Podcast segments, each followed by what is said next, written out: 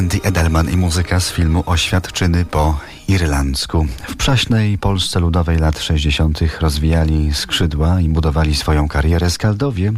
Kompozytor, wokalista, pianista zespołu dziś u nas do 13.30.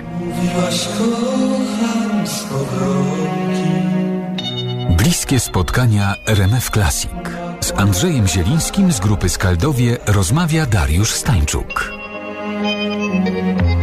Pomyśleć, że taką muzykę komponowali, nagrywali Skaldowie na sprzęcie słabiutkim. To było chałupnictwo właściwie, można powiedzieć. Druga płyta, Wszystko mi mówi, że mnie ktoś pokochał, została nagrana na zużytych wzmacniaczach. Na słabą czeską gitarę narzekał basista Konrad Ratyński. No na pewno braki sprzętowe były od początku bardzo duże. W pierwszym składzie przecież to graliśmy na gitarach, które wyprodukował nasz kolega tu z Krakowa.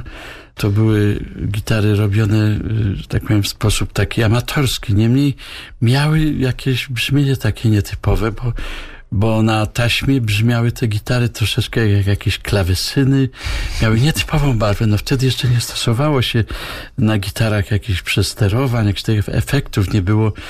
Jedyne jak się robiło jakieś przesterowanie, to to musiała to zrobić lampa wzmacniacza. Trzeba było po prostu w studio grać bardzo głośno. No wiadomo, że w tamtych czasach y, nie było instrumentów, no bo nie było gdzie ich kupić. E, nie wszyscy wtedy młodzi ludzie wyjeżdżali gdzieś po klubach grać na zachód, czy do tańca, czy w jakimś innym klubie jazzowym.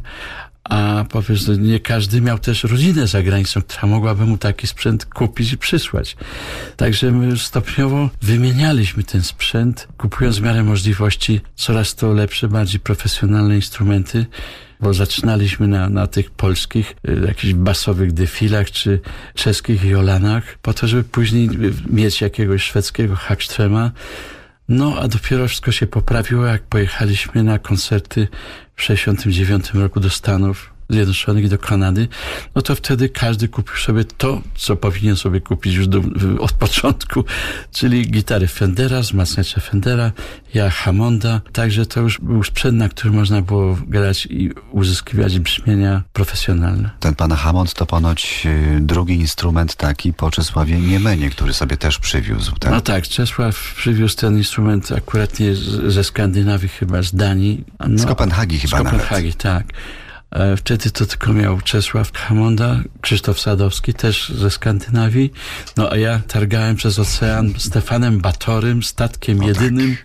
Płynął ze mną Hammond właśnie, no, bo Hammonda robili w Chicago, a ten Leslie Cabinet, czyli te głośniki wirujące, to produkowano w Kalifornii, także to musiało wszystko zostać y, dograne, żeby to było przerobione silniki na europejski prąd, bo, bo na amerykański prąd niestety powodował, że takie organy grały niżej, jak się je przywiozło do, do Europy. Musiał mieć silniki na Europę. Dopiero wtedy, jak to poprzerabiali tak jak trzeba, to dotarło do mnie do Montrealu, czyli do portu, gdzie Batory, statek jedyny, jak to było w piosence, sumował i tam na ten statek żeśmy to załadowali i przypłynął do Polski. Już zaraz organy Hamonda zabrzmią pod palcami Andrzeja Zielińskiego, lidera grupy Skaldowie. To są bliskie spotkania RMF Classic. Na razie muzyka z filmu Uwierz w ducha.